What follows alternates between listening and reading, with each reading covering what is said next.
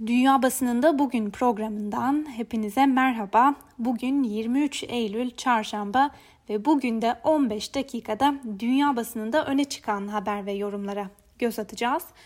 Bültenimize bir kez daha Amerikan basınıyla başlayalım.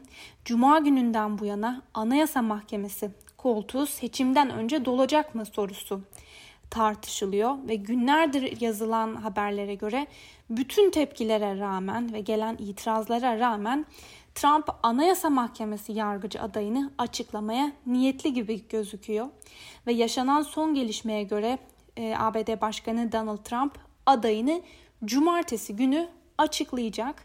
Senatodaki Cumhuriyetçilerin lideri Mitch McConnell adaya ilişkin oylamanın ne zaman yapılacağını Adalet Komisyonu'ndan gelecek onayın ardından karar verileceğini söyledi. Ve bu arada Voice of America'nın Beyaz Saray kaynaklarına dayandırdığı bir habere göre ABD Başkanı Donald Trump'ın gözünde Barrett seçeneği ağır basıyor. Ancak Barrett Kürtaj Hakları Yasası'ndan geri adım atacağı yönündeki endişeler sebebiyle Cumhuriyetçi senatörler Susan Collins ve Lisa Murkowski'nin itirazıyla da karşılaşabilir. Washington Post'un iki ayrı kaynağa dayandırdığı bir habere göre de Barrett e, ve Trump pazartesi günü Beyaz Saray'da bir araya geldi. Barrett'ın muhafazakar çevrelerde çok sevildiği ifade edildi ve Trump'a yakın cumhuriyetçilerin diğer senatörleri ikna etmek için lobicilik çalışmaları yaptığı da belirtiliyor. Gazetede bu süren tartışmalara ilişkin şu yorum yapılmış. Anayasa Mahkemesi'ne getirilecek ismin seçimi ve doğru zaman üzerine süren tartışmalar sorunları daha da derinleştirebilir ve imajlara zarar verebilir. Demokratların seçimlerden sonra Beyaz Sarayı tekrar ele geçirip senatoyu değiştirmeleri durumunda Cumhuriyetçilerin şu anda devam ettirdikleri güç gösterisi de ayrı bir tepkiye neden olabilir.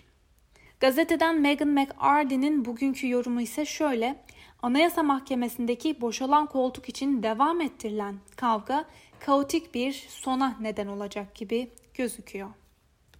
New York Times gazetesinin de bugün bir kez daha geniş yer ayırdığı bu tartışmalara e, tartışmalar şu sözlerle değerlendirilmiş.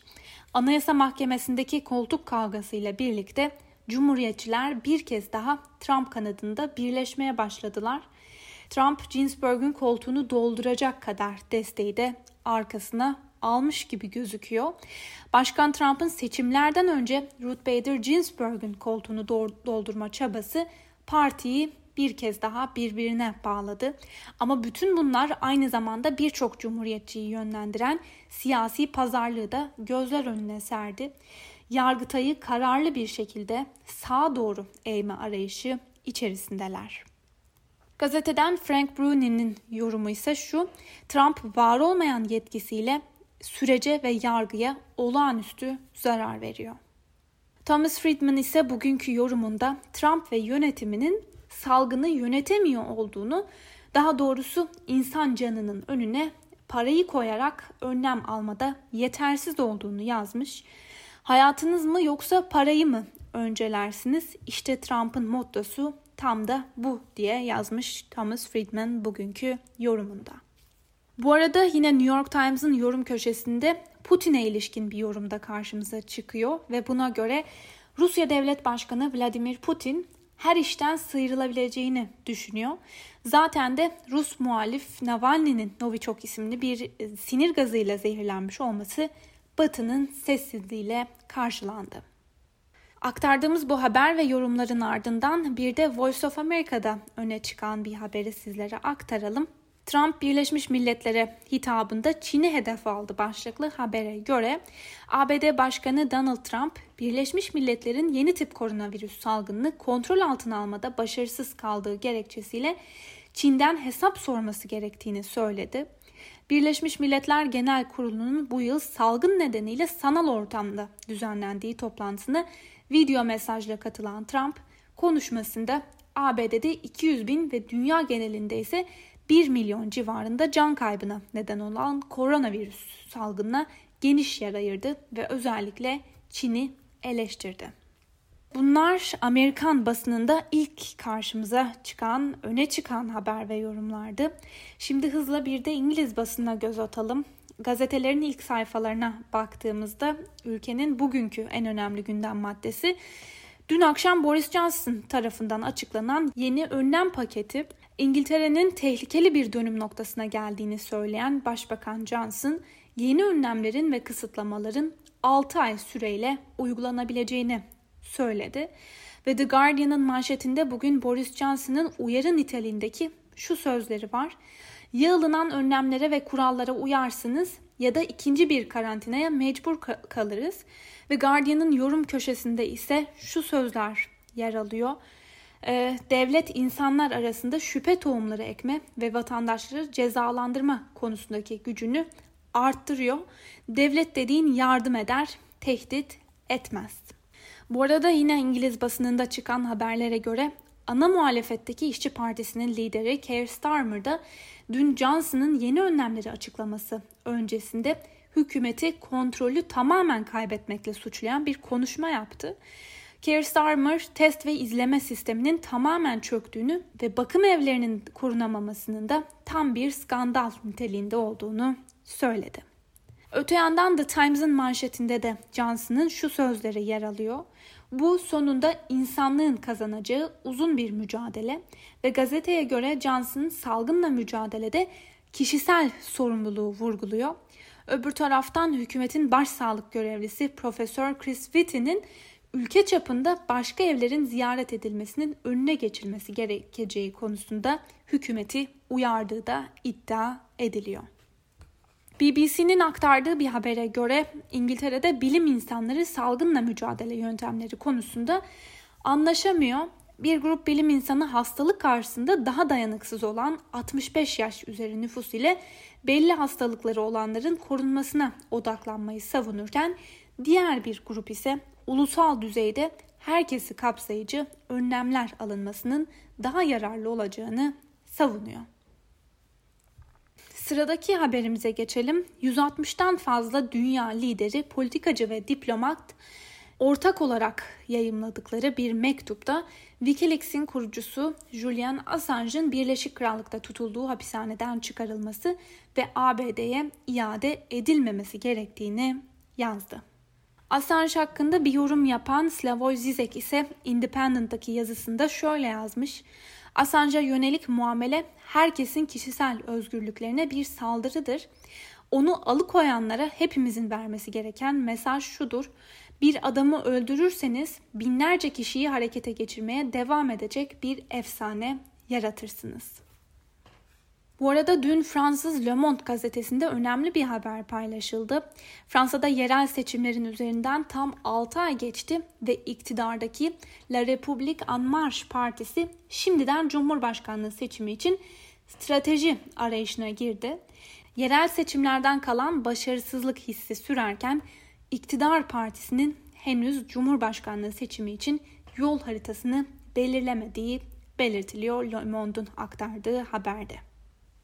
Bu arada Doğu Akdeniz krizi ile ilgili önemli bir gelişme yaşandı. BBC'nin aktardığı bir habere göre e, Mısır, İsrail, Yunanistan, Kıbrıs, İtalya ve Ürdün'ün video konferansla yapılan bir törende imzaladığı kuruluş anlaşmasıyla Doğu Akdeniz'den doğalgaz ihracatını teşvik etmek isteyen 6 ülkenin oluşturduğu forum resmi bir statü kazanmış oldu. Grup aynı zamanda Türkiye'nin Doğu Akdeniz'deki doğalgaz çıkarma tartışmasında Türkiye'nin bölgesel rakiplerini bir araya da getiriyor. Aktarılan bu haberin ardından e, Alman basınından Deutsche Welle'de öne çıkan bir haberi sizlere aktaralım. MIT'in Almanya'daki faaliyetleri siyasi partilerin odağında başlıklı bir habere göre MIT'in Almanya'daki gizli faaliyetleri son yıllarda ülkede yoğun tartışmalara neden oluyor. Son haftalarda meclisteki partilerin federal hükümete yönelttiği MIT bağlantılı soru önergelerinin arttığı dikkat çekiyor. Alman hükümeti Almanya'da iç istihbarattan sorumlu Anayasayı Koruma Teşkilatı raporlarında da görüleceği üzere en çok Rusya, Çin, İran ve Türkiye'nin istihbarat faaliyetlerinde artış olduğunu aktarıyor. Geçtiğimiz günlerde basına yansıyan dikkat çekici haberlerden biri de şuydu. ABD hazinesine bağlı istihbarat birimi mali suçları uygulama ağına göre aralarında Almanya'nın en büyük bankası olan Deutsche Bank'ın İran ve Rusya'ya yönelik yaptırımların ihlalini mümkün kılan şüpheli kuruluşlar için para transfer etmiş olmasıydı. Tazın da gündemine taşıdığı bu meseleye göre bu tür skandallara karşı Avrupa Birliği bünyesinde önlemler alınmalı. Yeşillerden belirli isimlerin ve bu grubun çevresinde birleşen Avrupa parlamenterleri alınacak önlemler kapsamında Avrupa finans polisi ve daha ağır cezalar gerektiği konusunda hemfikirler. İspanyol basınında ise e, Madrid'de hızla artan vaka sayıları nedeniyle yerel yönetimin stratejisi sorgulanmaya devam ediyor. Sol görüşlü belediye meclisi üyesi Monica Garcia El Diario Espanyol'daki yazısında Madrid Özerk Hükümeti Başkanı'nın istifasını istiyor. Bölgede normalleşmeye henüz hazır değilken geçildi ifadeleriyle yönetimi eleştiriyor. Öte yandan haftalardır Belarus'ta devam eden hükümet karşıtı protestolardan bahsediyoruz. Ancak haftalardır protestoların devam ettiği ülkelerden biri de Bulgaristan. Ülkede 9 Temmuz'da başlayan hükümet karşıtı protestoların dün yani 76. gününde başkent Sofya'nın merkezinde toplanan binlerce gösterici Başbakan Boyko Borisov hükümetini istifaya çağırdı.